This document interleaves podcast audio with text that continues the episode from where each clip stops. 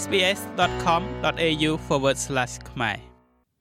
របបកំហើញថ្មីថ្មីនៅក្នុងបច្ចេកវិទ្យាលាយនុយក្លេអ៊ែរធ្វើឲ្យអ្នកវិទ្យាសាស្ត្រជាច្រើនរំភើបអំពីសក្តានុពលរបស់វានៅក្នុងការផ្ដល់នៅអាងស្តុកស្ទើរតែគ្មានដែនកំណត់នៅធម្មពលបញ្ចេញឧស្ម័នទាប ប៉ុន្តែក្រុមអ្នករិះគន់កំពុងចោទជាសំណួរថាតើការលាយនុយក្លេអ៊ែរនឹងរួចរាល់ទាន់ពេលដែលអាចជះឥទ្ធិពលដល់វិបត្តិអាកាសធាតុដែលកំពុងតែកើតមានឡើងដែរឬទេជាមួយនឹងការប្រណាំងប្រជែងលើការស្វែងរកប្រភពធម្មពលកកើតឡើងវិញដែលអាចទុកចិត្តបានធម្មពលនុយក្លេអ៊ែរប្រភេទផ្សេងគ្នាកំពុងបង្កើតជាដំណោះស្រាយរយៈពេលវែងដ៏គួរឲ្យជឿជាក់មួយ។ វិស្វករ RD Patterson ធ្វើការជាមួយនឹងក្រុមហ៊ុន HB11 ដែលជាក្រុមហ៊ុនបង្កើតបច្ចេកវិទ្យាអូស្ត្រាលី ដែលមានបំណងប្រើប្រាស់ដំណើរការដែលហៅថាការលាយនុយក្លេអ៊ែរដើម្បីបង្កើតនូវធម្មពលអគ្គិសនីស្អាត ហើយសំខាន់បំផុតគឺសុវត្ថិភាព I think people are starting to get quite excited about it. ខ្ញុំគិតថាមនុស្សម្នាចាប់ផ្ដើមមានការរំភើបចិត្តចំពោះវា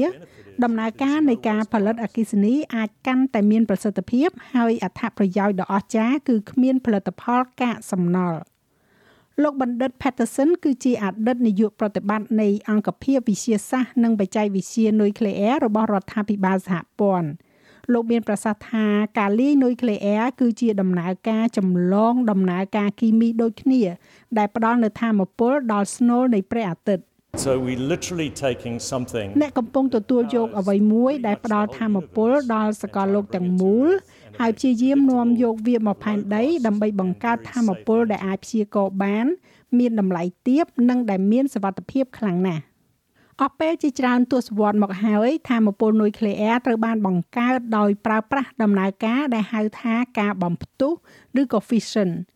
នេះគឺជាពេលវេលាដែលអាតូមមិនថិតថេរដូចជាអ៊ុយរ៉ាញ៉ូមត្រូវបានបំបែកចេញពីគ្នានៅក្នុងការផ្ទុះធម្មពល និងវិទ្យុសកម្មដែលមានអាយុកាលយូរការបំផ្ទុះនុយក្លេអ៊ែរមានប្រហែលជា10%នៃធម្មពលអគ្គិសនីរបស់ពិភពលោកប៉ុន្តែវានាំមកនៅស្លាកស្នាមគ្រោះមហន្តរាយដ៏គួរឲ្យភ័យខ្លាច ដូចជាគ្រោះមហន្តរាយ Chernobyl ឆ្នាំ1986ឬគ្រោះមហន្តរាយ Fukushima ឆ្នាំ2011ជាដើម ការលាយនុយក្លេអ៊ែរដោយការប្រៀបធៀបបង្ខំអាតូមតូចៗឲ្យនៅជាមួយគ្នានេះបង្កើតបានជាធម្មពលអនុផលខ្លះនៃហីលៀមនិងវិទ្យុសកម្មដែលមានរយៈពេលខ្លីបំផុតអ្នករូបវិទូនុយក្លេអ៊ែរលោក Joe Kachan មានប្រសាសន៍ថាធម្មពលលាយគឺមានសវត្ថភាព Nuclear fusion has no prospect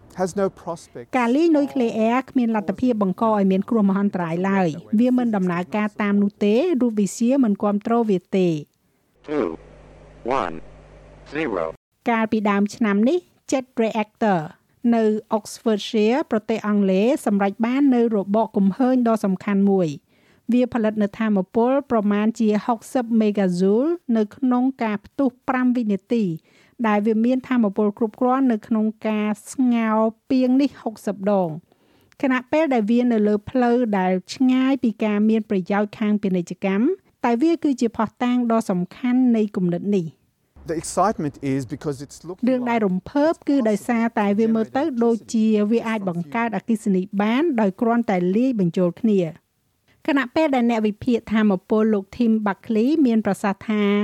ការលាយនុយក្លេអ៊ែរអាចមានប្រយោជន៍នៅក្នុងរយៈពេលវែងវាមិនមែនជាដំណោះស្រាយរយៈពេលខ្លី ចំពោះវិបត្តិអាកាសធាតុនោះទេលោកនិយាយទៀតថាបច្ចេកវិទ្យាបំភាយឧស្ម័នទាបដូចជាពន្លឺព្រះអាទិត្យនិងខ្យល់គឺត្រូវការចាំបាច់នៅពេលនេះ ហើយការលាយនុយក្លេអ៊ែរនៅតែត្រូវការពេលយ៉ាងហោចណាស់20ឆ្នាំទៀតពីការបូមបញ្ចូលទៅក្នុងបណ្ដាញអគ្គិសនី Yeah nuclear fusion when I was in កាលីនុយក្លេអ៊ែរពេលដែលខ្ញុំនៅស្លៀកខោទឹកនោមនៅឡើយកាលពី55ឆ្នាំមុនកាលីនុយក្លេអ៊ែរគឺស្ថិតនៅឆ្ងាយពីការធ្វើពាណិជ្ជកម្មមួយទសវត្សរ៍ទៀតហើយឥឡូវនេះ55ឆ្នាំក្រោយមកវានៅតែស្ថិតនៅឆ្ងាយពីការធ្វើពាណិជ្ជកម្មមួយទសវត្សរ៍ឬក៏ពីរទសវត្សរ៍ទៀត បច្ចុប្បន្នវិស្វករកំពុងតែសាងសង់ម៉ាស៊ីន reactor លាយនុយក្លេអ៊ែរធំបំផុតរបស់ពិភពលោកនៅទីតាំងមួយនៅភាគខាងត្បូងប្រទេសបារាំងគម្រោងនេះមានតម្លៃជាង20,000លានដុល្លារហើយមានប្រទេស35ពាក់ព័ន្ធដោយរួមទាំងប្រទេសអូស្ត្រាលីផងដែរក្រុមអ្នកគ្រប់គ្រងសង្ឃឹមថាទីបំផុតម៉ាស៊ីន reactor នេះនឹងបង្ហាញ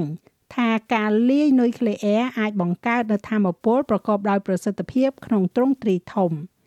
ការសាងសង់នេះគ្រោងនឹងបញ្ចប់នៅឆ្នាំ2025ចាស់ហើយរបាយការណ៍នេះចងក្រងឡើងដោយ Steve Trust សម្រាប់ SBS News ហើយប្រាយសម្រួលសម្រាប់ការផ្សាយរបស់ SBS ខ្មែរដោយនាងខ្ញុំហៃសុផារ៉ានីចូលចិត្តអ្វីដែលអ្នកស្ដាប់នេះទេ Subscribe SBS ខ្មែរនៅលើ Podcast Player ដែលលោកអ្នកចូលចិត្ត